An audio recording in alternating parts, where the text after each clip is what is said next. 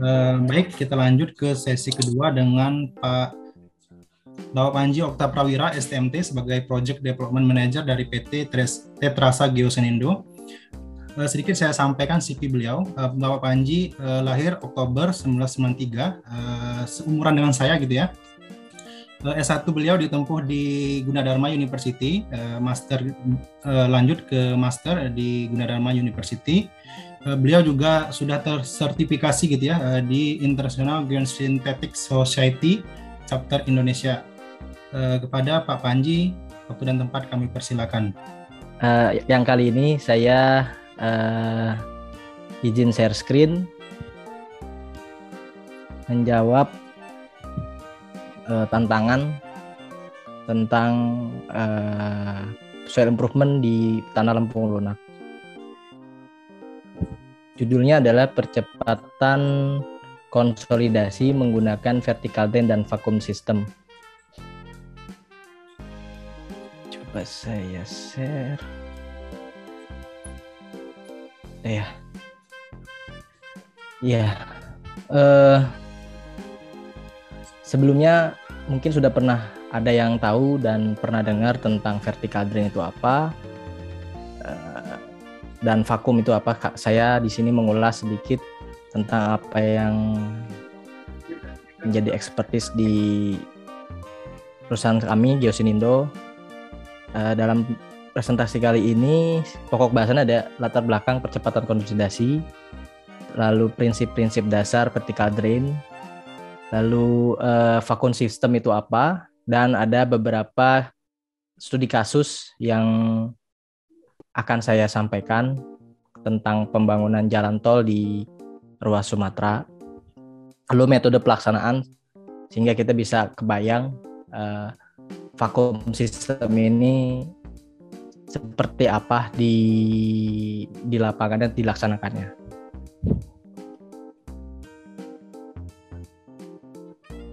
Ya, uh, kita tahu bahwa proyek-proyek infrastruktur Indonesia hampir sekarang merata di seluruh pelosok negeri ya. Uh, namun memang kita menemukan kendala pasti ketika proyek infrastruktur itu melewati atau terpaksa uh, berada di atas tanah lunak. Itu yang kita tidak bisa hindari. Dan ini menjadi tantangan bagi praktisi-praktisi geoteknik bagaimana mendesain sebuah infrastruktur yang aman walaupun berada di tanah lunak. Ini adalah ilustrasi, ini peta sebaran tanah lunak di Indonesia, Pak. Saya ambil dari Badan Geologi Kementerian SDM. Latar belakang pertama seperti kita tahu bahwa tanah lunak adalah tanah yang memiliki kuat geser yang sangat rendah. Kalau dari NSPT itu bisa diklasifikasikan di kurang dari 10 nilai NSPT-nya Lalu kalau dari uji sondir ya, kice itu kurang dari 20 kg per cm persegi. Atau mungkin kalau kuat geser permukaan tanah yaitu CBR kurang dari 3%. Nah, tanah lunak ini eh, dengan kuat geser yang rendah ada problem lagi selain kuat gesernya yang rendah yaitu kompresibilitasnya yang tinggi. Nah, ini yang menyebabkan nanti bangunan di atasnya ikut terpengaruh akibat adanya deformasi dan penurunan konsolidasi yang besar. Ini ilustrasi eh, lapisan tanah lunak. Eh, sebagai gambaran ya, ketika ada satu lapisan menerus lapisan tanah lunak menerus dari kedalaman 0 katakanlah hingga sampai uh, eh, 15 meter gitu. Bayangkan ketika kita mendesain sebuah infrastruktur di atasnya, bagaimana caranya uh, agar bangunan di atasnya itu tetap stabil, tetap sesuai dengan kriteria dan berdiri gitu. Kalau bangunannya berupa bangunan gedung, kita bisa pancang, kita bisa menggunakan fondasi bor seperti tadi yang disampaikan Pak Hari hingga mencapai uh, lapisan tanah keras. Lalu bagaimana ketika yang di atasnya adalah berupa infrastruktur seperti jalan tol, eh, bandara gitu, atau infrastruktur lainnya. Ini yang akan menjadikan tantangan apabila menggunakan fondasi rancang maupun fondasi bor, pasti eh, desainnya akan tidak efisien dan tidak efektif, eh, efektif namun belum tentu efisien gitu. Bagaimana kita bisa uh, memenuhi tantangan itu. Lalu sebenarnya dalam pembangunan infrastruktur ya khususnya infrastruktur jalan di sini sudah ada peraturan dari manual desain perkerasan jalan PUPR bahwa status kelas jalan nasional, eh, provinsi, jalan tol gitu, batas penurunan izin yang diizinkan dari manual desain ini adalah 10 100 mm atau 10 cm gitu ya penurunan penurunan izin total. Begitu juga di jalan bebas hambatan atau jalan tol juga hal yang sama ini menjadi latar belakang mengapa kita memerlukan konsolid, uh, percepatan konsolidasi untuk mencegah terjadinya konsolidasi kembali ketika masa layan konstruksi itu dilaksanakan. Lanjut. Uh, sehingga pemecahan masalahnya ketika memang kalau jenis-jenis bangunannya adalah gedung bertingkat, tower, kita bisa menggunakan tadi saya bilang tiang bor, tiang pancang. Berbeda dengan infrastruktur ya seperti jalan, rel kereta, landasan pacu yang memang bentangannya cukup luas, cukup lebar. Uh, solusi dari penggunaan pondasi ini dinilai tidak lagi efektif, eh tidak lagi efisien, uh, sehingga diperlukan alternatif soal improvement. Bagaimana kita mengimprove tanah lunak yang uh, existing menjadi kuat gesernya bisa meningkat dan uh, konsolidasi 90% bisa tercapai sebelum bangunan tersebut um, diaplikasikan. Salah satu so improvement yang saya saat ini kita akan bahas adalah vertical drain. Apa itu vertical drain? Prinsip-prinsip dasar vertical drain seperti apa? Uh, jadi vertical drain dengan menambahkan uh, preload adalah salah, salah satu metode soil improvement mempercepat tujuannya adalah untuk mempercepat penurunan konsolidasi agar terjadi di awal dengan menambahkan timbunan preload sebagai beban rencana. Grafik di sebelah kanan adalah uh, perbandingan antara perbandingan proses konsolidasi penurunan antara tanpa vertical drain dengan vertical drain. Kira-kira ilustrasinya seperti ini. Jika tanpa menggunakan vertical drain, eh, proses konsolidasi bisa berlangsung sangat lama. Bisa sampai puluhan tahun, ratusan tahun bahkan. Tergantung mungkin nanti jenis tanah eh, dan permeabilitas si tanah lempung tersebut. Nah, dengan menggunakan vertical drain, kita akan mempercepat proses konsolidasi itu menjadi hanya beberapa bulan saja. Prinsipnya sebenarnya seperti itu. Kita ada uh, jeda waktu yang cukup lama itu kita persingkat hanya beberapa bulan saja. Cara kerjanya sebenarnya adalah uh, ketika kita mempunyai sebuah lapisan dasar, uh, sebuah lapisan tanah lunak tadi yang cukup dalam ya, cukup dalam,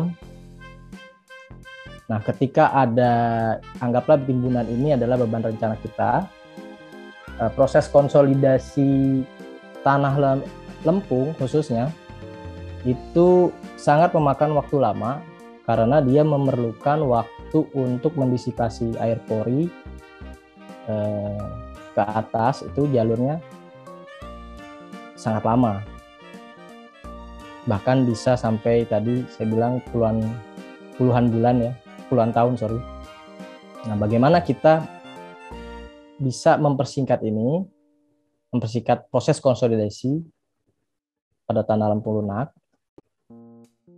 Uh, pertama adalah bagaimana kita bisa memperpendek jarak tempuh air pori yang tadinya ke atas.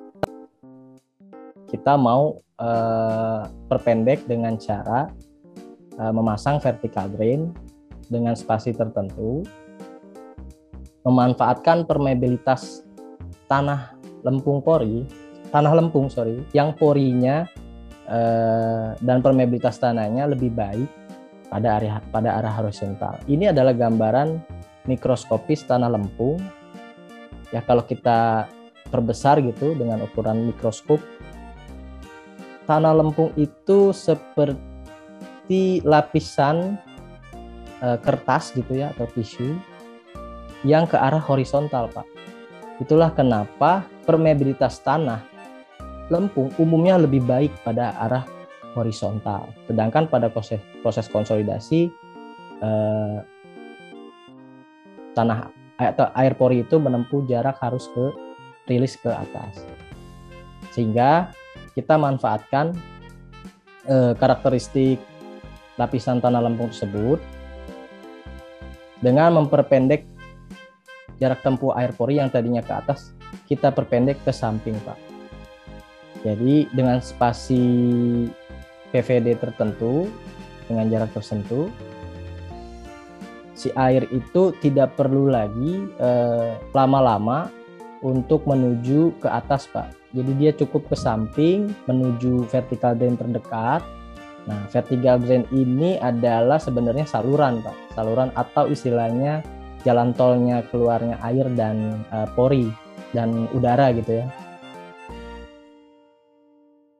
Jadi dia cukup ke samping, lalu ketemu dengan vertical drain.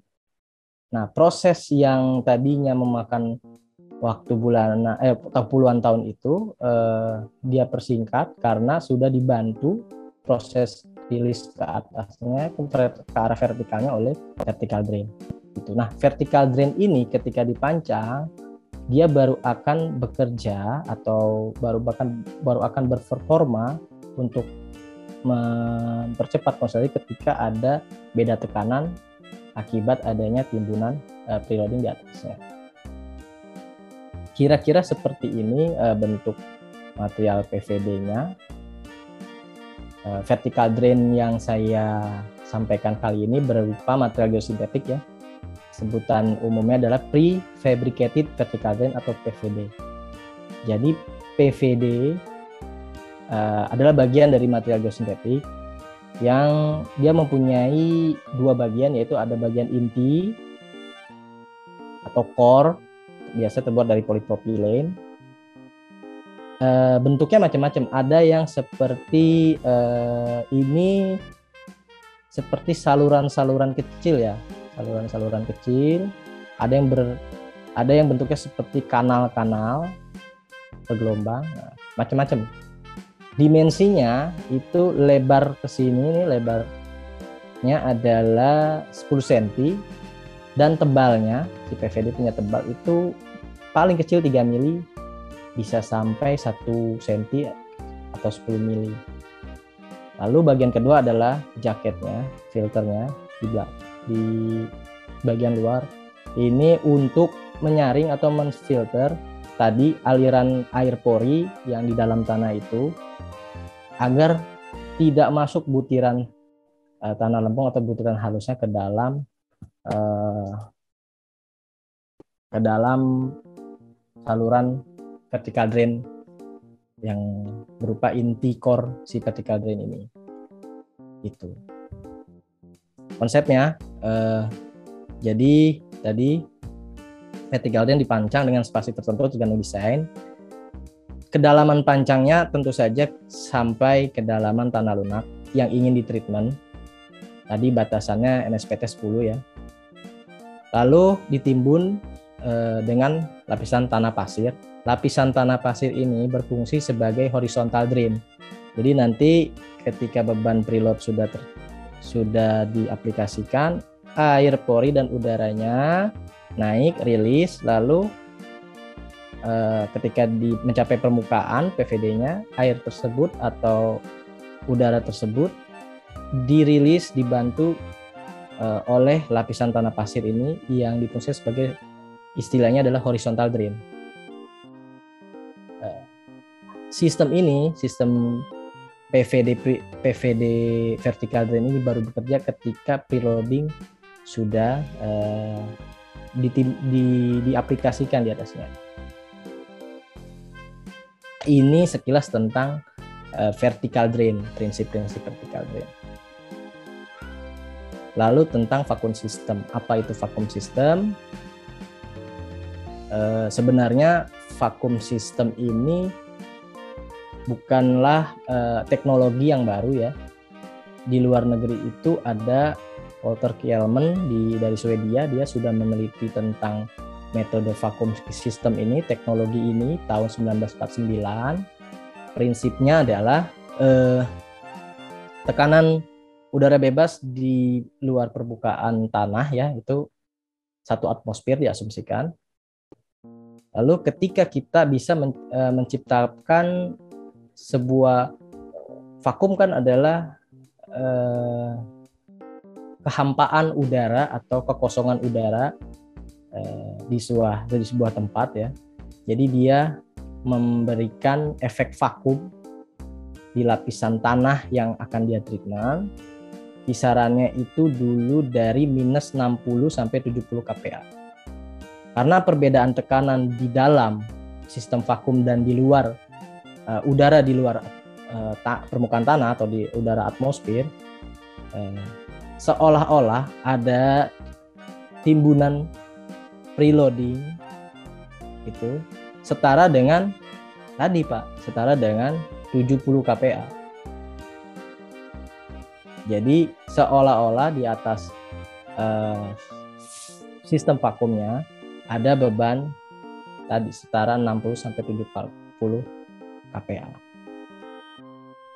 Ini skemanya ketika drain dia pasti pakai pasir lalu ditutupi oleh sebuah membran yang kedap yang tentunya kedap untuk mencapai nah, tadi efek vakum tadi ya lalu disambungkan ke uh, pompa vakum ini uh, yang ini adalah metode vakum sistem uh, menggunakan eh, ini adalah dari geostruktur vakum sistem yang saya tunjukkan ini. Agak berbeda adalah pengembangan dari Kielman tadi. Ada vertical drain ya kanan dan ke kiri. Lalu ada horizontal drain lalu ada pipa-pipa yang menghubungkan untuk menangkap air dan udara. Lalu ada tangki pemisah nah tangki pemisah ini uh, tujuannya untuk tadi men, uh, yang tertarik atau tersalurkan dari vertical drain ini adalah air dan udara. Nah, untuk membantu kinerja pompa vakum agar mencapai tekanan 80 kPa secara merata, eh, tentu dibutuhkan sebuah pemisah antara air dan udara itu agar yang disedot oleh pompa vakum hanya udara. Jadi airnya nanti di tangki pemisah ini jatuh ke bawah, lalu dipompa keluar dengan pompa submersible, uh, sedangkan udaranya diteruskan dihisap oleh pompa vakum.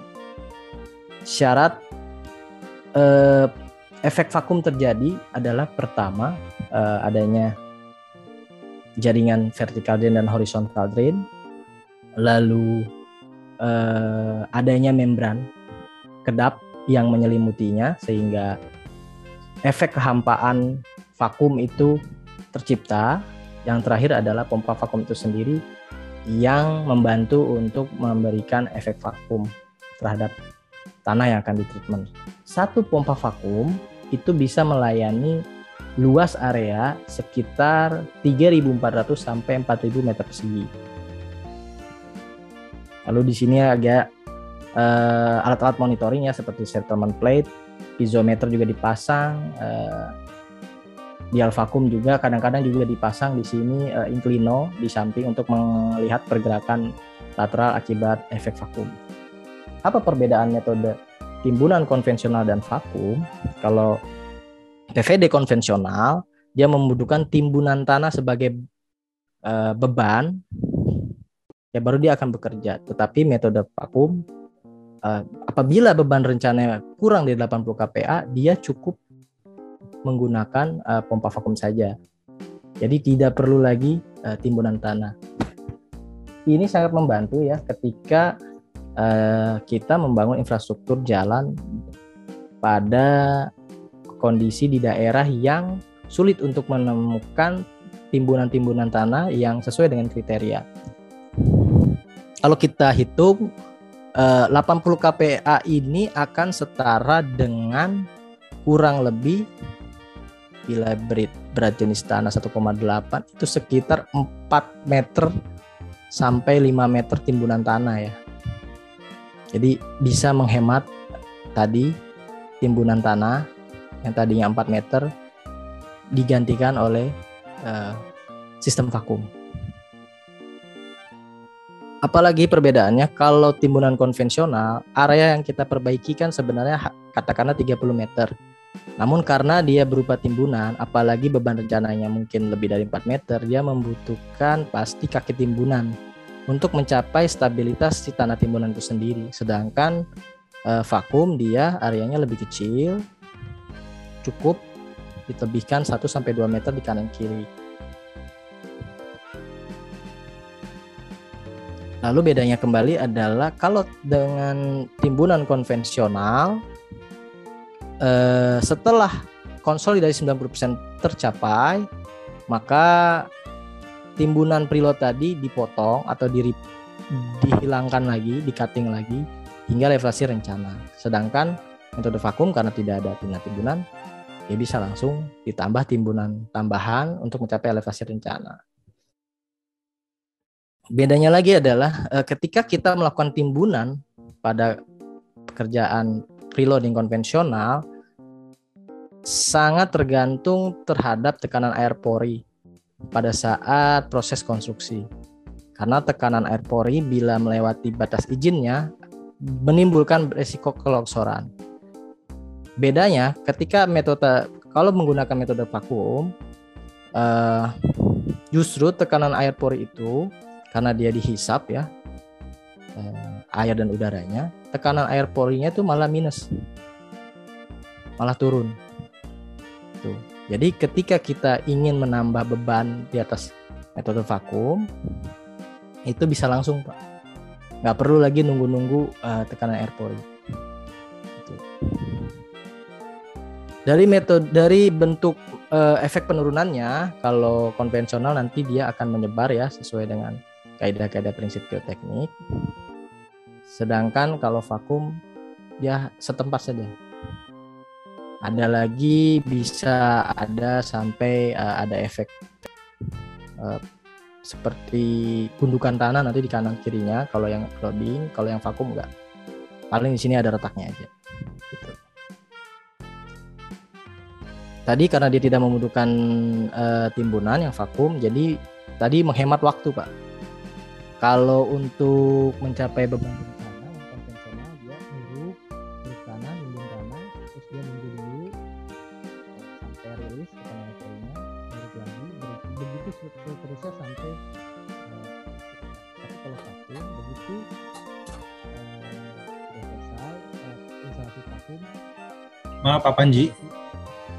Pak Panji. Ya. Eh, untuk suaranya kecil, Pak. Suaranya kecil ya? Iya. Halo. Nah, sama ini Pak, untuk waktu okay. uh, eh, kita diberi uh, apa namanya uh, kurang lebih enam menit lagi gitu ya Pak. Oke, okay, oke okay, Pak. Ya. ini kedengaran Pak suara saya sekarang Pak? Ya, udah kedengaran Pak. Oke. Okay. Iya. Kira-kira data perancangannya ini ya, ada sondir, borlok, uji lab, itu propertinya juga kita butuh tiga rencana, beban rencana gitu dalam desain. Lalu kita menghitung ya eh, konsolidasi yang terjadi itu besarannya berapa, lalu waktu yang dibutuhkan berapa. Lalu kita juga hitung dengan kalau menggunakan perfect kalian kecepatannya berapa. Data yang lain adalah tinggi preload dan tekanan vakum yang dibutuhkan. Uh, kalau di vakum harus uh, pola pemancangannya segi empat pak nggak bisa segitiga karena dia ada horizontal drain sama jaringan tutup vakum ini skemanya PVD, uh, horizontal drain, platform pasir, geomembran. Ini layoutnya, jadi juga dipasang tadi alat monitoring piezometer, vacuum gauge, ya, ada settlement plate juga di sini. Ini separate. Kira-kira seperti ini layout. Ini dana pemancangan, nah ini alat-alat monitoring, teman plate gitu ya. Kapan eh, konsolidasi ini bisa terjadi? Kapan 90% konsolidasi tercapai itu nanti bisa ditentukan dari metode ASAUPRA. Nah, data-data harian yang diambil dari uh, monitoring settlement plate nanti diplotkan sehingga bisa dinyatakan konsolidasi 90% yaitu pada saat penurunan hari ini besarannya sama dengan penurunan kemarin. Ada juga uh, piezometer seperti ini, ideal gauge, kira-kira seperti itu. Nah, ini studi kasus sebentar saya ulas ya. Uh, ini jalan tol di Kayu Agung Palembang Betu. Ini diaplikasikan. Tadi tanah lunaknya kira-kira 11,5 meter. Ini desainnya ya. Jadi PVD-nya dipancang 11,5. Waktu prediksi penurunan totalnya dari 50 cm dan waktu konsolidasi hanya dua bulan. Kira-kira seperti ini penurunan yang terjadi grafiknya ini adalah uh, grafik tekanan vakum ya 80 kPa tercapai dan ini isometer hasil bacaan tekanan air pori minus dia turun. Lalu setelah vakum selesai uh, konsolidasi 90% kita melakukan sondir lagi Pak dan ini memang uh, ada kenaikan kuat geser sekitar kira-kira 20% dari awal. Jadi kenaikan kuat geser ini adalah bonus sebenarnya. Tetapi tujuan utama percepatan konsolidasi adalah tentu saja mempercepat penurunan tersebut. Kenaikan kuat gesernya adalah efek pemampatan tanah yang terjadi. Lalu di setelah vakum terjadi juga ada bisa dilakukan uji preto test seperti itu.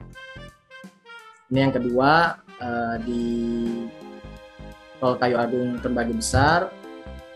Ini metodenya kombinasi Pak antara eh, vakum dan preloading karena beban rencananya melebihi dari timbunan 4 meter kira-kira seperti ini di vakumnya udah terinstall ditambah lagi dia timbunan preloading jadi bisa seperti itu kira ini datanya metode pelaksanaannya eh, platform sondir pasir Kira-kira uh, skema alat pancangnya seperti ini, dia base mesinnya adalah eksavator. Ini kita sebut dengan rig, jadi ada selongsong baja, ada dalamnya, ada PVD. Dia digerakkan secara hidrolis, lalu menekan ke tanah. Kira-kira seperti ini. Eh, waktu untuk memasang rig pada base mesin. Sebelum dilaksanakan juga rignya dikalibrasi. Ada juga sensor-sensor kita tempatkan liriknya dengan kedalaman tertentu sehingga terrecord dari apakah pemancangan sudah tepat dengan kedalaman rencana atau belum. Kira-kira seperti itu pemancangan PVD horizontal drain pipa jaringan pipa vakum. Nah ini piezometer. Persiapan pipa-pipa vakum separat tank. Gambarnya seperti ini. Lapisan membran kedap tadi. Diangkur ini setting pompa dan genset. Barulah mulai di vakum lalu monitoring dilakukan setiap hari. Isometer juga dilakukan setiap hari sampai konsolidasi 90% tercapai apabila ada timbunan pilot tambahan di atasnya juga bisa diatasi kira-kira seperti itu Pak Agung saya kembalikan. Terima kasih kesempatannya.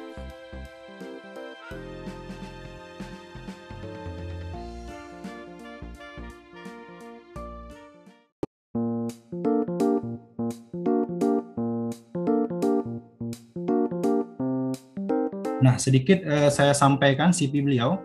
Bapak Heri Faza ini lahir di Bengkulu 4 Februari 1962 kebetulan sama sama saya Pak Heri Faza. Saya dari, dari Bengkulu Pak. Sama. Eh, Uh, beliau menamatkan pendidikan formal S1 beliau di ITB Bandung, uh, lanjut ke S2 di Teknik Struktur di Sydney, Australia, uh, lanjut S3 di Scuba Jepang.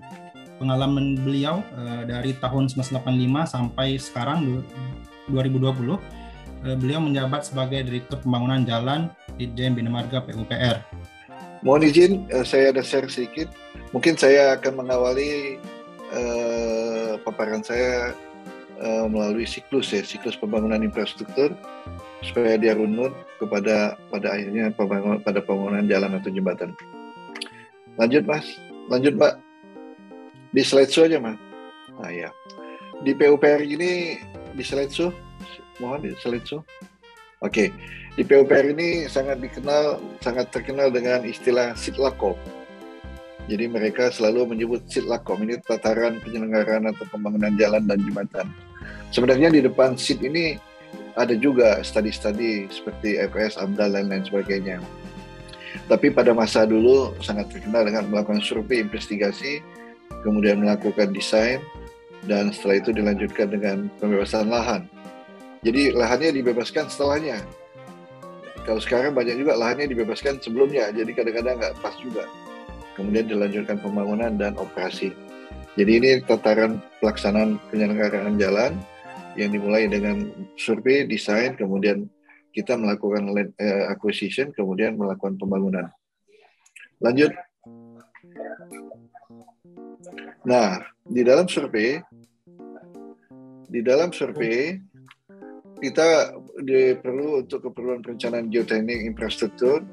Jadi jalan juga perlu data geoteknik, dan khususnya jembatan. Ini diperlukan untuk mengkaji kedalaman terhadap data geologi dan geoteknik karena geologi juga akan mentris kita, menggiring kita kepada jalan-jalan yang berkeselamatan.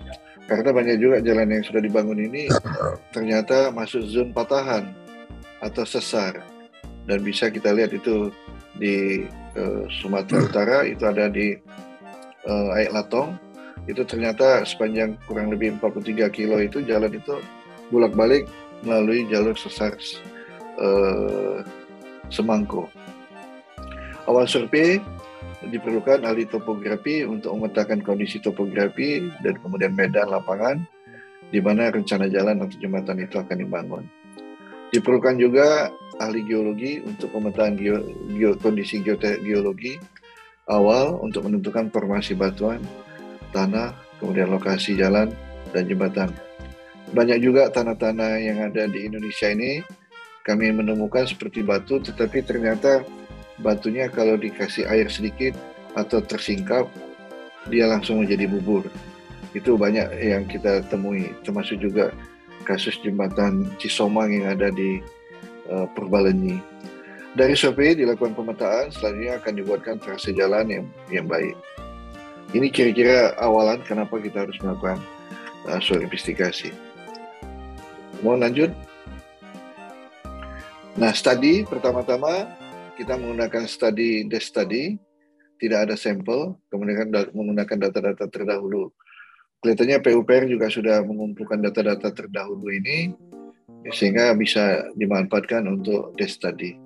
Jadi kita tidak perlu melakukan uh, pengujian atau melakukan melakukan suatu investigasi awalan karena ini juga sudah disimpan di dalam database. Kemudian penentuan data yang diperlukan, kemudian menentukan total biaya yang diperlukan untuk proses uh, survei. Dilanjutkan dengan pre preliminary investigation untuk menentukan stratigrafi tanah, kemudian penentuan tebal setiap lapisan tanah, dan selanjutnya dilakukan detail site investigation, uh, penentuan nilai kuantitatif parameter tanah secara rinci, dan menentukan hal-hal yang sifat unik dan membutuhkan penelitian lebih lanjut. Lanjut. Nah, survei investigasi dalam tahapan DES tadi, sebelum melakukan ke lapangan, perencanaan terlebih dahulu melakukan riset dan terhadap data lapangan yang dituju The study juga ditujukan untuk memberikan gambaran awal bagaimana lokasi, kondisi geologis tanah, akan ada di lapangan di tempat rencana jalan. Kemudian sumber des tadi dapat berasal dari perencanaan-perencanaan terdahulu yang tadi saya sampaikan ini mulai dikumpulkan dalam sistem informasi yang ada di PUPR. Sebelumnya, sebelum, nah ini udah ke belakang jadi.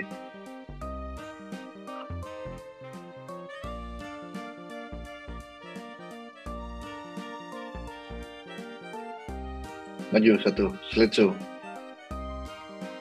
Ya, lanjut. Silakan lanjut. Nah, survei ini untuk penentuan trase, uh, jangan maju dulu. Maju lagi ke depan. Mundur maksud saya. Mundur. Nah, ini. Oke, di sini saja.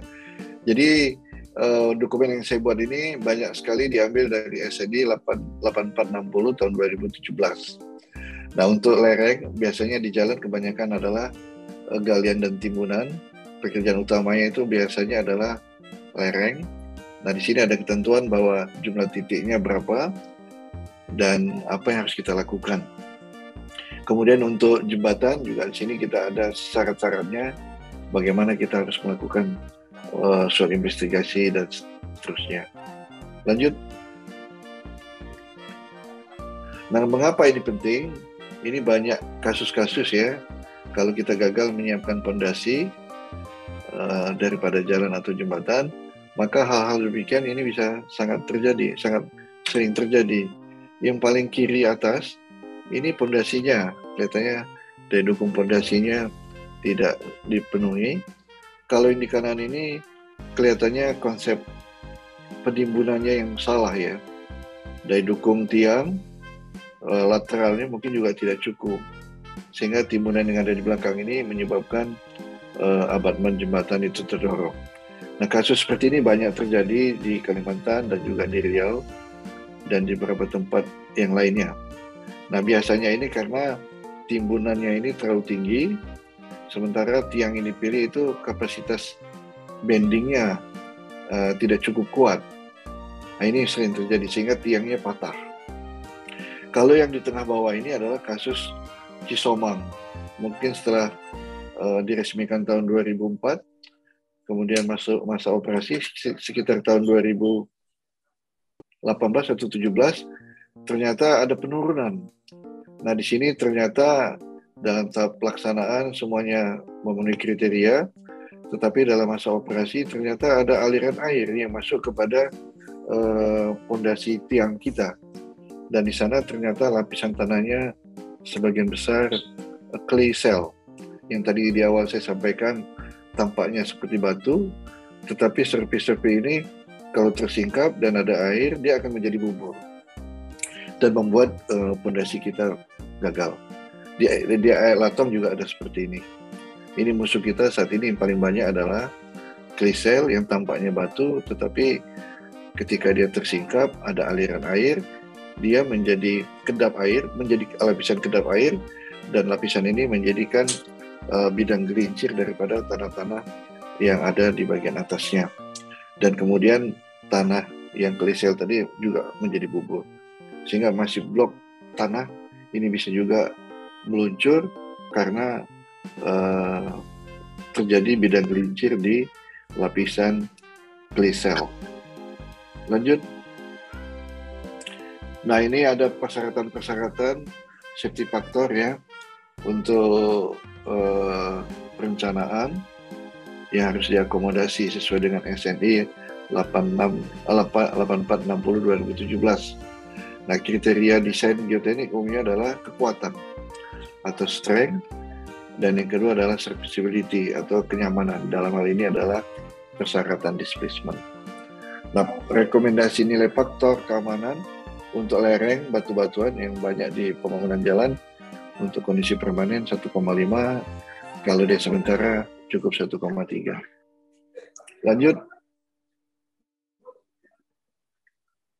Silakan lanjut.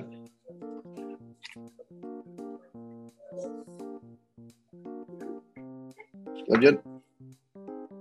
Nah untuk soal investigasi prosesnya dalam perencanaan uh, perencanaan perencanaan fondasi, data soal investigasi dari laboratorium maupun uji coba lapangan diolah menjadi suatu informasi berupa stratigrafi tanah dan parameter tanah, terutama untuk kuat geser, konsolidasi, dan properti tanah dasar.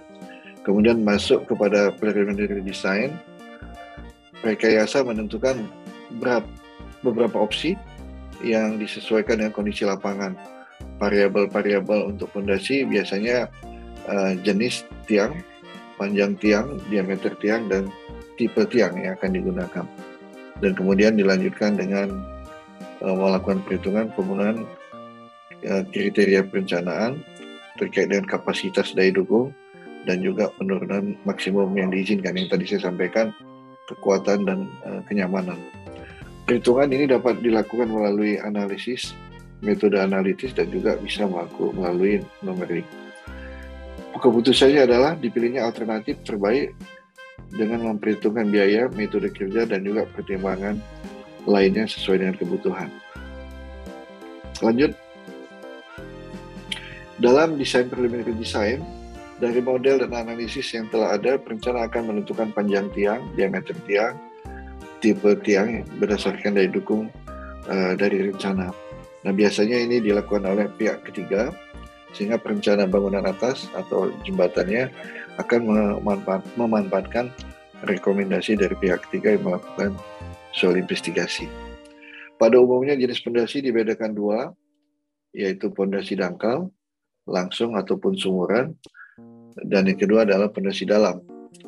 Namun di PUPR untuk dangkal ini pondasi langsung uh, ditabukan ya, ditabukan. Bukan tidak boleh, tapi ditabukan saja. Sementara tiang dalam ini banyak digunakan dari dulu kala, yaitu tiang pancang. Dan kemudian terakhir ini sudah mulai banyak juga menggunakan tiang bawah. Tiang pancang dulu dipilih karena kita banyak membangun di daerah remote-remote area, sehingga pilihan tiang pancang ini khususnya juga menggunakan pipa baja lebih uh, dapat memberikan jaminan kualitas. Nah, setiap jenis pondasi yang dipilih memiliki metode pelaksanaan yang unik berdasarkan kondisi tanah yang akan kita bangun. Nah, kriteria keamanan pondasi dangkal berupa keamanan terhadap stabilitas pondasi, guling dan juga geser.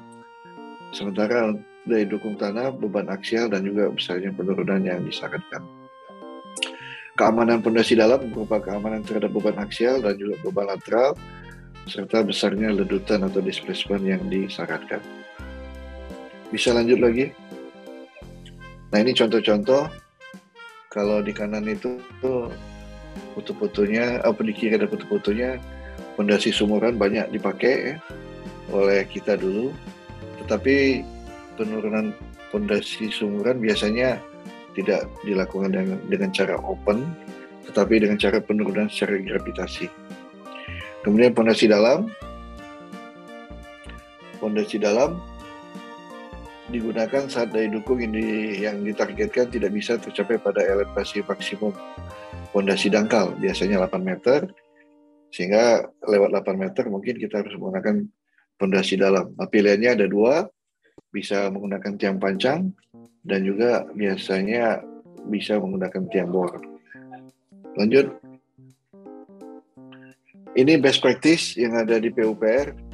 Jadi sudah ada uh, acuan-acuan standar yang bisa kita pilih ketika kita menggunakan uh, diameter tertentu, kemudian kondisi tanah tertentu, pilihan-pilihan tiangnya di sini sudah ada sebagai panduan kita dalam uh, memilih tiang yang kira-kira menjadi atau berlaku secara umum dalam dunia uh, konstruksi. Termasuk juga prediksi daya dukung dan besarnya kalendering yang akan dicapai. Ini semua adalah pegangan atau manual katalog yang biasanya kita pakai untuk uh, merancang. Lanjut. Ini mungkin gaya-gaya bekerja pada fondasi. Mungkin kalau saya sarankan penggunaan software juga harus dilakukan dulu uji-uji atau uji-uji uh, simulasi di di lapangan atau di kantor menggunakan software.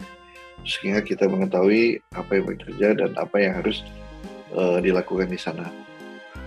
Lanjut, analisis.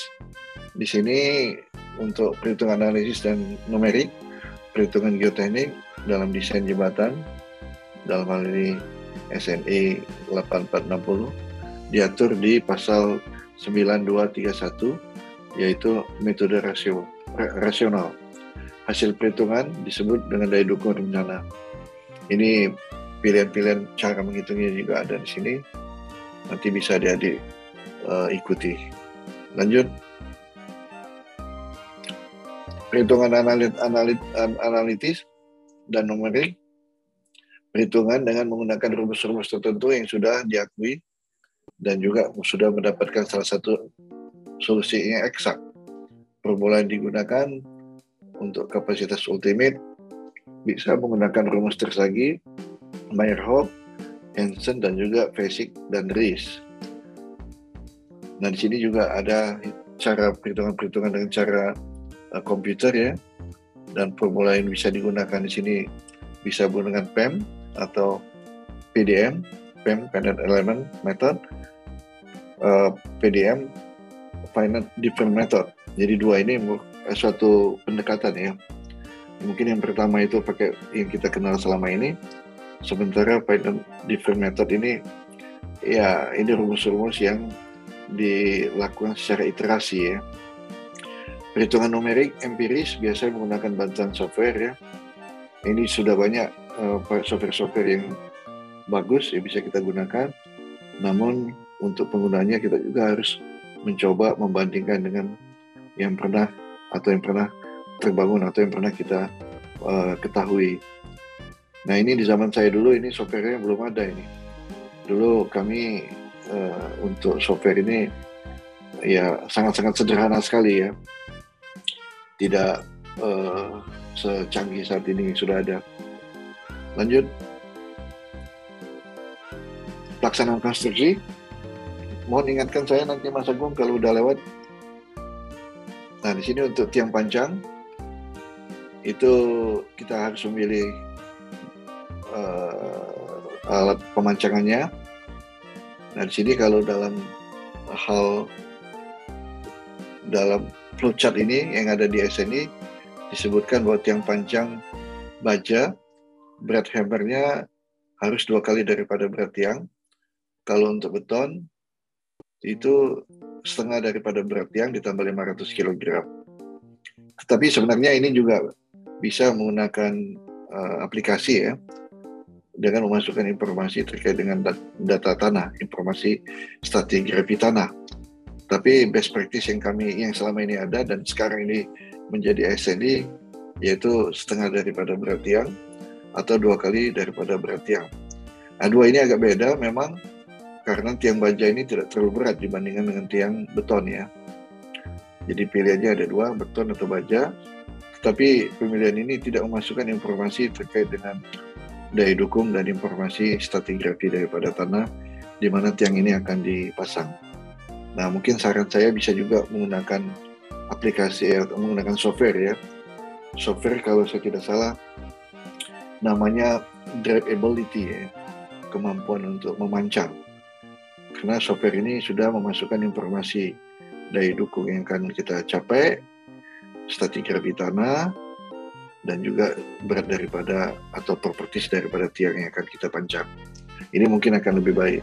Tapi umumnya teman-teman dan ini ada di dalam spek juga dua kali berat tiang atau 50 persen daripada berat tiang ditambah 500. Dan seterusnya apabila didapatkan kalendering maka kita harus melakukan pengujian yaitu melakukan pengujian 10 pukulan terakhir ya mungkin dilakukan tiga kali dan kalau dia sudah memenuhi persyaratan ini yaitu 1 sampai 3 cm untuk baja sementara untuk beton 3 sampai 5 daripada uh, untuk pondasi-pondasi uh, beton.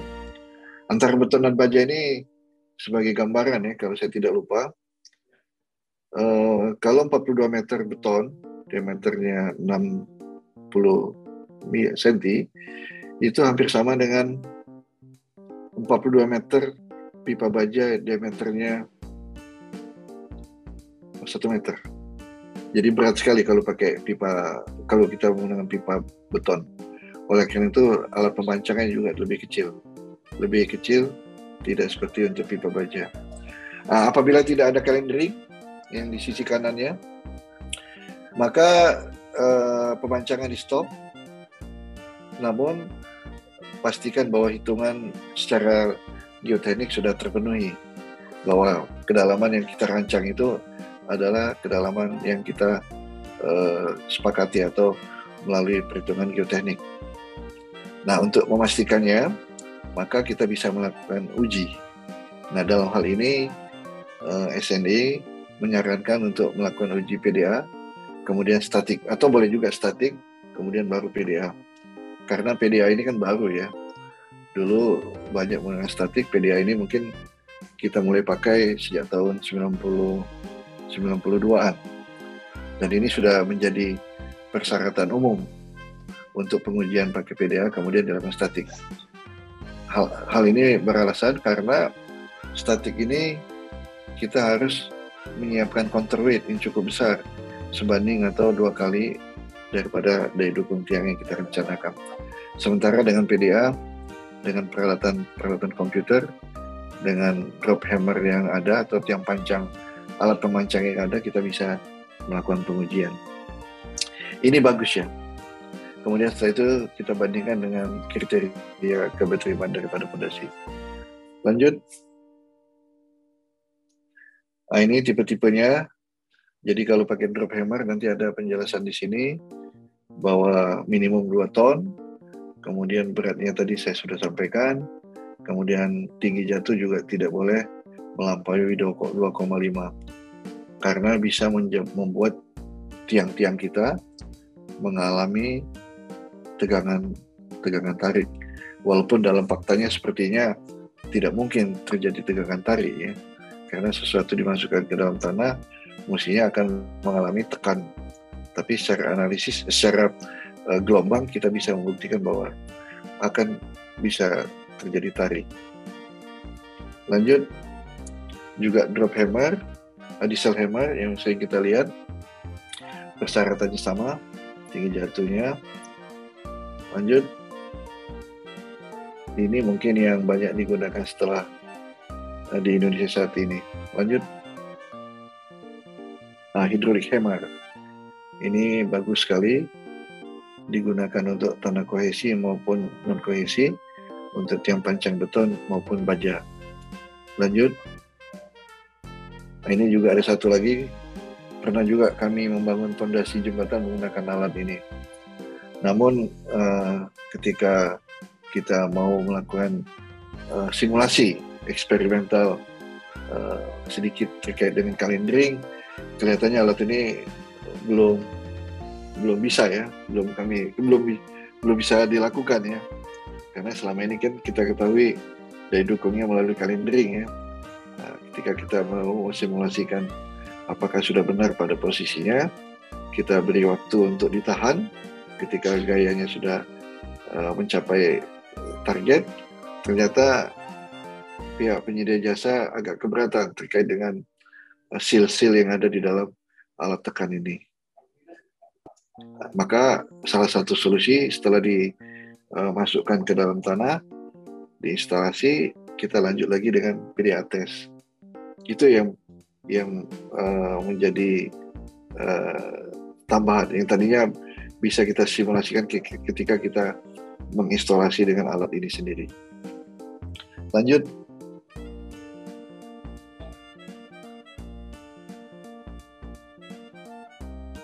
Lanjut. Nah ini untuk bore pile. Ya selama ini kalau saya sampaikan bore pile ini jarang kita gunakan untuk jembatan tadi eh, karena pembangunan kita banyak di remote area sehingga pimpinan kita dulu menyarankan dengan tiang pancang dan juga dengan pipa baja bahkan disuplai dari Jakarta kenapa? karena kualitas yang kita inginkan kalau kita pancang, kalau dia kependekan maka bisa dipotong Kalau dia kepanjangan, ah sorry, kalau kepanjangan bisa kita potong, kalau kependekan bisa kita sambung kalau pipa baja. Dan diinstalasi dibawa dari stok juga tidak akan perlu adanya handling tertentu. Namun perkembangan pembangunan dan kita juga sudah mengarah pembangunan masuk ke dalam kota, mulai banyak uh, isu-isu terkait dengan retak dan lain sebagainya. Dan sejak tahun 2000 mungkin ya, kita sudah banyak memulai memulai penggunaan bore pile. Salah satunya adalah Pasupati ya. Pasupati itu menggunakan bore pile secara teknis dan biaya memang lebih murah daripada uh, tiang pancang ya. Karena apa? Saya pernah banding-bandingkan biayanya jauh sekali dibandingkan dengan uh, tiang pancang. Namun bore pile ini kalau kita tidak hati-hati menyebabkan uh, kotoran ya dan kalau pelaksanaan kurang baik daya dukungnya juga kita tidak dapat langsung setelah kita melakukan instalasi bor. Sementara tiang tiang pancang uh, pada akhir daripada proses pemancangan kita sudah dapat daya dukung. Berapa daya dukung tiang? Sementara dengan bor ini kita harus melakukan pengujian lebih lanjut paling cepat ya, paling cepat mungkin tujuh hari kalau kita menggunakan beton uh, setting time yang pas. Kalau tidak maka kita harus menunggu sampai 28 hari. Apa yang terjadi kalau kualitas pembuatan bornya tidak baik dan itu kita lakukan atau kita ketahui setelah 28 hari. Kemudian pelaksananya juga bermacam-macam. Uh, kasus di Suramadu uh, pemilihan alat yang tidak tepat, banyak yang terjadi longsor, dan akhirnya kita juga tidak percaya dengan kualitas. Nah, di sana di dalam gambar tersebutkan ada auger, ada reverse circulation drilling. Nah, dua ini bertolak belakang. Kalau yang auger, maka dia akan masuk, kemudian diangkat keluar. Nah, ketika dia ada air uh, di dalamnya, muka air yang cukup tinggi, uh, auger ini bisa menyebabkan kerontokan-kerontokan di dinding-dinding daripada uh, calon bor kita. Sementara reverse ini uh, bisa mengebor dengan transport material yang ada di bawah melalui pipa-pipa yang ada di bagian tengahnya. Nah di Suramadu karena di sana buka airnya cukup tinggi dan di laut teman-teman uh, ada yang menggunakan auger dan ada juga yang menggunakan uh, RCD Nah, ternyata RCD yang banyak suksesnya. Pakai auger banyak yang gagal.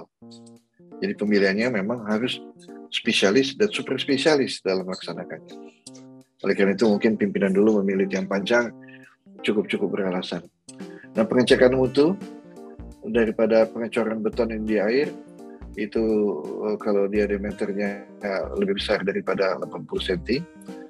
Ini banyak dipakai di eh, gedung-gedung second pile yaitu menggunakan sonic lodging. Kalau lebih kecil bisa menggunakan PIT atau SIT ya. SIT, PIT uh, dengan menggunakan hammer kecil. Daya dukung, nah daya dukung ini juga untuk bore pile ini uh, kita bisa membuat bore pile ini besar-besar sekali. Bisa sampai diameternya dua setengah di Suramadu, tapi bisa juga yang 80 cm tapi kalau saya sarankan kalau membuat bore pile paling nggak paling tidak diameternya satu meter lebih. Nah, daya dukung untuk lebih besar dari uh, 1000 ton PDA dan juga bisa dengan single loading test ya. Kemudian untuk daya dukung lebih kecil dari 1000 ton ini disarankan bisa menggunakan PDA ya, bisa menggunakan PDA. Sarannya PDA mungkin uh, konsep gelombang single gelombang wave uh, single dimension wave itu yang perlu kita terapkan. Jadi pemilihannya nanti mungkin ada di konsep-konsep uh, paparan yang lainnya bahwa PDA ini lebih cocok kalau tiangnya seperti lidi. Jadi ada perbandingan antara diameter terhadap panjang ya. Kalau dia panjang 40 kali D, mungkin PDA ini lebih appropriate. Untuk tiang-tiang yang cukup besar, PDA juga tidak mungkin juga kita aplikasikan Mungkin ada tes-tes yang lain nanti akan dijelaskan di sini. Lanjut. Um, bor pile tadi saya sampaikan bahwa kita mendapatkan daya dukung setelah kita melakukan instalasi dan pengecoran sudah setting ya paling cepat mungkin tujuh hari. Ini alat-alatnya. Lanjut. Ini yang pakai RCD, jadi airnya disupportkan, kemudian ditekan, kemudian material dari dari bawah ditransportasikan ke atas sehingga tidak ada uh, gelembung-gelembung atau hammer uh, water hammer daripada uh, instalasi atau pemasangan pemasukan daripada auger ataupun bucket ke dalam lubang-lubang bor. Ini cocok mungkin untuk tanah-tanah yang lepas. Lanjut. Nah ini uh, cara pemasangannya, cara instalasinya, bor bisa kita bayangkan bahwa mengebor di dalam air, uh, mengecor di dalam air perlu satu keteknikan khusus ya. Uh, mungkin ini harus kita pelajari dan juga harus menerapkan teknologi sehingga kita mendapatkan mutu yang kita inginkan. Jadi tidak mudah. Lanjut. Uh, keberterimaan, mungkin ini sudah hampir selesai. Uh, di sini ya, keberterimaannya. Lagi, Pak. Baik, terima kasih. Kita ada spesifikasi sebagai persyaratan keberterimaan. Yang disyaratkan di sini mutu, petunjuk pelaksana secara rinci termasuk alat dan percobaan dan metode pelaksanaan. Metode pengendalian mutu untuk mencapai mutu yang disyaratkan dan tata cara pengukuran atau pembayaran juga ya, dijelaskan di dalam spesifikasi bina marga. Jadi ada Eh, cara membayar dan juga cara mengukur eh, daripada hasil daripada keberterimaan. Jadi ada suatu kesepakatan ya. Nanti kalau nanti ada di uh, mengecor bor, maka volume bornya itu volume betonnya itu bukannya sebanyak-banyaknya dia masuk, tapi dibayarnya tidak dalam bentuk volumenya, tetapi dalam bentuk panjangnya. Oleh karena itu harus hati-hati uh, nanti kalau membaca spesifikasi keberterimaan pekerjaan. Lanjut. Nah, ini untuk pengujian-pengujian. Kalau tadi tiang pancang, tadi kita sebut-sebut ada kalendering atau tidak ada kalendering. Kalau tidak ada kalendering, maka kita stopkan kepada panjang rencana. Tapi kalau ada kalendering sudah tercapai, maka kita stop di sana. Kemudian kita melakukan pengujian ya, pengujian-pengujian uh, menentukan berapa besarnya uh, displacement atau penurunan untuk 10 pukulan terakhir. Dan banyak rumus di sini bisa dipakai, mungkin sudah dikenalkan. Dan teman-teman uh, memang sangat senang ketika hasil uh, ketika uh, pada akhir pemancangan kita sudah punya keyakinan dari dukung tiang kita berapa. Itu adalah tiang panjang. Lanjut. Nah ini juga ada rumus yang lain ya macam-macam rumus ini. Ya kalau kita sandingkan mungkin ada ada 600 kalau nggak salah rumusnya. Nah kita bisa pilih mana paling pas. Tapi saran saya pilih yang banyak dipakai. Kemudian jangan satu pilih banyak-banyak. Kemudian tentukan yang mana yang paling pas. Safety factor juga yang terkait dengan rumus-rumus ini juga ada yang tiga ada yang sampai enam. Jadi memang ini bukanlah hal yang yang paling pas ya tetapi PDA mungkin akan lebih menutupi kekurangan daripada uh, pengujian apa uh, menentukan daya dukung daripada tiang pancang pada akhir daripada pemancangan. PDA sendiri sebenarnya kan belum kita kenal kan baru-baru tahun 2000 tahun 90-an sebenarnya. Sebelumnya ini kita pakai untuk menentukan daya dukung tiang. Lanjut. Nah ini kesulitan-kesulitannya mungkin ya karena kita harus menentukan uh, jejak ya, rekam jejak daripada pemancangan terakhir ya. Nah ini kadang-kadang uh, sulit. Kenapa? Karena kita mencoret-coret ini masih menggunakan kertas grafik. Saya belum ketemu teknologi yang baru ya. Bagaimana kita mengamati penurunan tiang lebih akurat karena karena apa? Karena dengan teknik yang ada seperti ini kita menempelkan kertas grafik di tiang pancang kemudian kemudian ada ada ada spidol atau pena yang berdiri di sampingnya. Mungkin hal ini uh, menjadi bias ya, tiangnya atau tiangnya turun atau jangan-jangan pensilnya ikut-ikut turun juga. Nah, saya pernah juga dengar dulu bisa menggunakan laser beam ya, tapi saya belum melihat di pasaran ya, di praktisnya di dalam pembangunan kita masih banyak menggunakan hal-hal seperti ini. Lanjut. Nah, ini untuk static loading test. Dahulu kala eh, bisa bayangkan foto kiri, di foto di kiri itu ada tiang yang diuji di tengah, kemudian dipasang reaksi tiang di kiri kanannya ada dua. Bayangkan kalau itu di sungai ya, sangat-sangat sulit sekali waktu itu. Jadi kalau pondasi jembatan di sungai, biasanya kita pilih ya sudah oper saja nggak apa-apa. Jadi eh, daya dukungnya kita kecilkan itu ya. Kalau di jalan, eh, di jalan atau di gedung ini lebih mudah, lebih husuk, lebih uh, lebih mudah kita melakukan pengujian ini untuk menentukan daya dukung. Nah kalau di sungai bagaimana kita?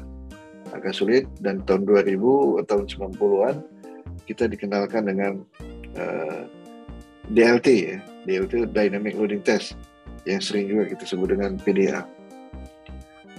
Nah daya dukung dulu menggunakan Static Loading Test, uh, ada juga sekarang ini dengan menggunakan BDSLT ya, bidirectional static loading test. Jadi loading test artinya kita harus punya uh, counterweight yang besarnya dua kali atau satu kali setengah satu setengah kali daripada uh, daya dukung rencana tiang.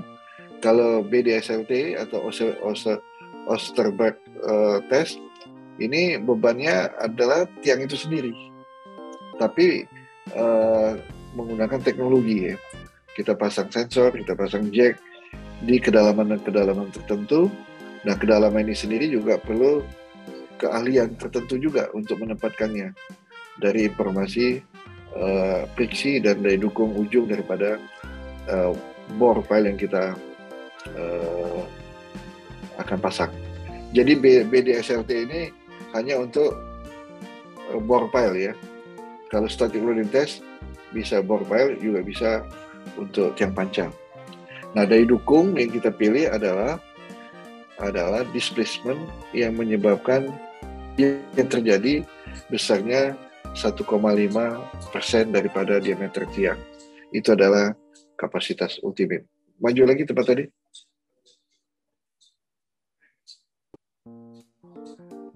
Enter. Nah ini.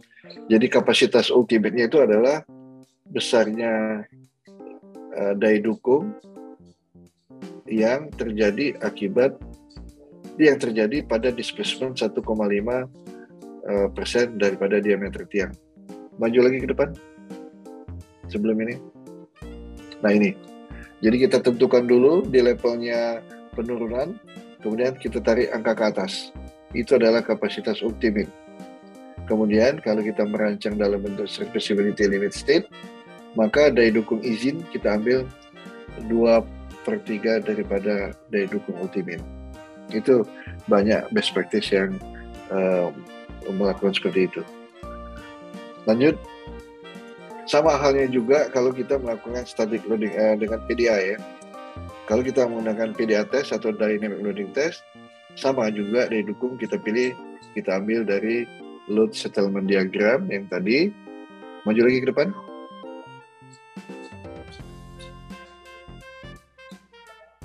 Maju lagi ke depan. Nah ini dari grafik seperti ini. Jadi PDA test ataupun dynamic loading test eh, cari grafik seperti ini juga. Kemudian tarik garis tarik eh, tentukan besarnya lendutan. Kemudian tarik ke kanan ke kurva load settlement diagramnya. Kemudian naikkan ke atas itu dia dukung ultimate kemudian kita pilih dua per tiga kalau kita uh, ya sampai saat ini perancangan pondasi masih banyak menggunakan uh, ultim, uh, serviceability serviceability limit state atau daya dukung izin. Lanjut. Ini bidirectional. Uh, kita sepertinya di Indonesia sudah mulai ada layanan ini. Dulu kita pakai ini mungkin di Manado ya, di Manado jembatan Manado kabel stay juga di Riau juga kita pakai, tapi layanannya masih dari luar. Kemudian banyak juga sudah dilakukan di Suramadu ya. Suramadu banyak menggunakan OCTS karena diameternya dua setengah meter, kemudian dalamnya sampai uh, eh, 100 meter lebih. Jadi tidak ada cara lain pengujiannya yaitu dengan menentukan atau memastikan bahwa daya dukungnya eh, beban rencana itu ada. Jadi kita bisanya mengapprove daya dukung. Tetapi daya dukung ultimate-nya agak sulit kita tentukan. Lanjut. Nah ini instalasi alat-alatnya.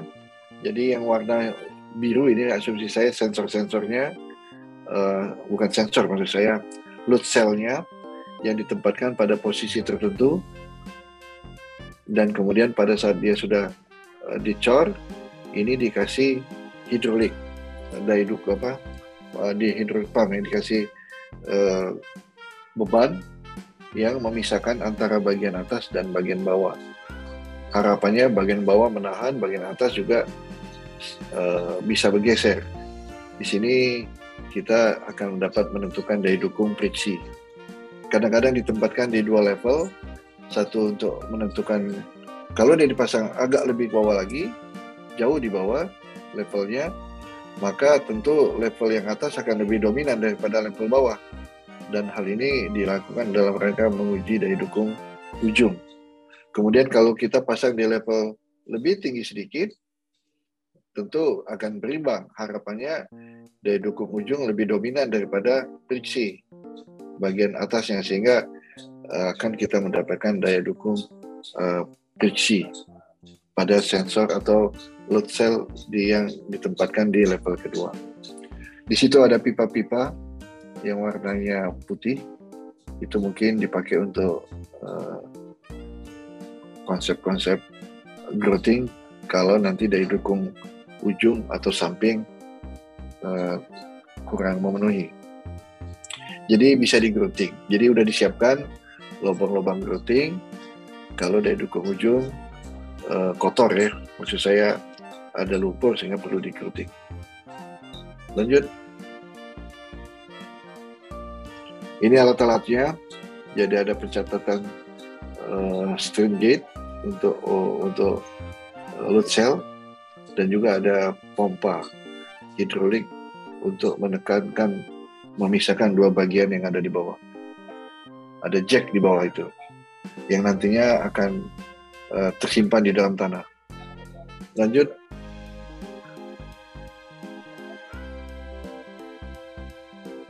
Ini salah satu contoh, mungkin ini proyek-proyek yang terbaru di Bina Marga, yaitu proyek jembatan uh, Alala, S Alala.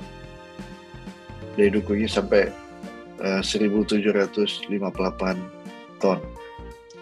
Ini ada di sana nih, gaya ini adalah gaya itu ada di sana secara statik. Lanjut.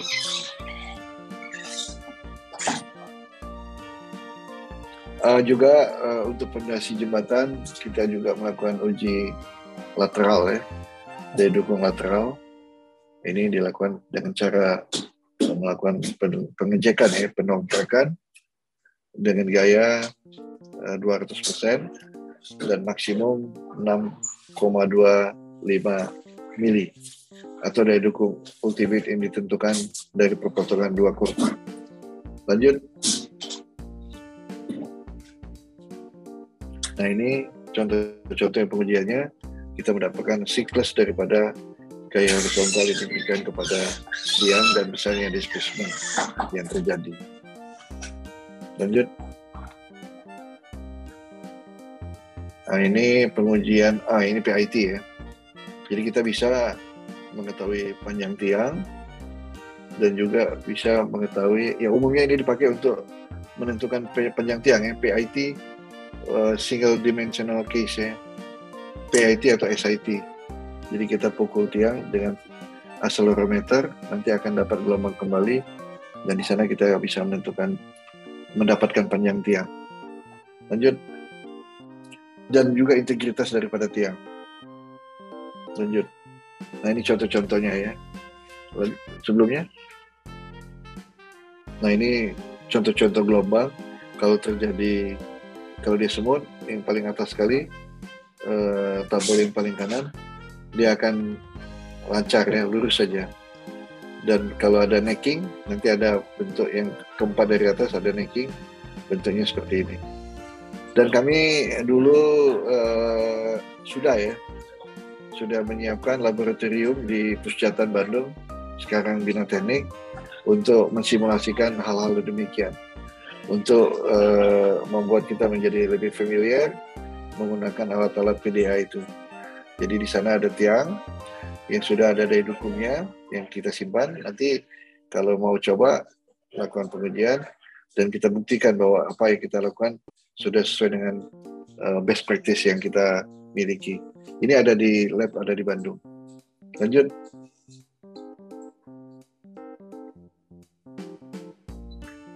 Ini juga untuk pengujian sonic lodging, untuk bore pile juga sama untuk menentukan integritas daripada tiang, apakah ada retak, apakah dia ada necking dan lain sebagainya, atau ada pembesaran daripada tiang. Ini untuk jembatan S Alala yang kemarin baru diresmikan oleh Bapak Presiden. Lanjut. Mungkin demikian uh, Mas Agung dari saya. Eh, baik, terima kasih Pak. Sudah memberikan informasi, insight apa yang kami lakukan di PUPR dan juga menumbuhkan keinginan daripada mahasiswa untuk bergabung dengan PUPR. Terima kasih.